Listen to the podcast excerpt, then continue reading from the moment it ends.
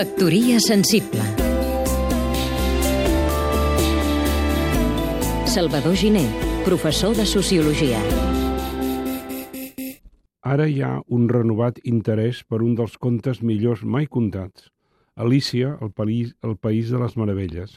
No, no es tracta de Catalunya, estimats oïdors, malgrat les evidents similituds. Gairebé tothom que en parla al·ludeix a les diverses manies i perversitats del seu creador, oficialment anomenat Lewis Carroll, com si això expliqués quelcom. Obliden així el significat d'aquesta obra suprema del món modern, que és Alícia. És un mal universal. Hauríem de llegir els llibres tot ignorant les vicissituds de llur composició o el mal o bon caràcter dels creadors. És com si expliquéssim el quadre La batalla de Tetuán de Marià Fortuny com un conte entre moros i cristians. La batalla, el seu cavall agonitzant, la fúria i la por dels soldats a la cara valen només com a part d'una forma inoblidable.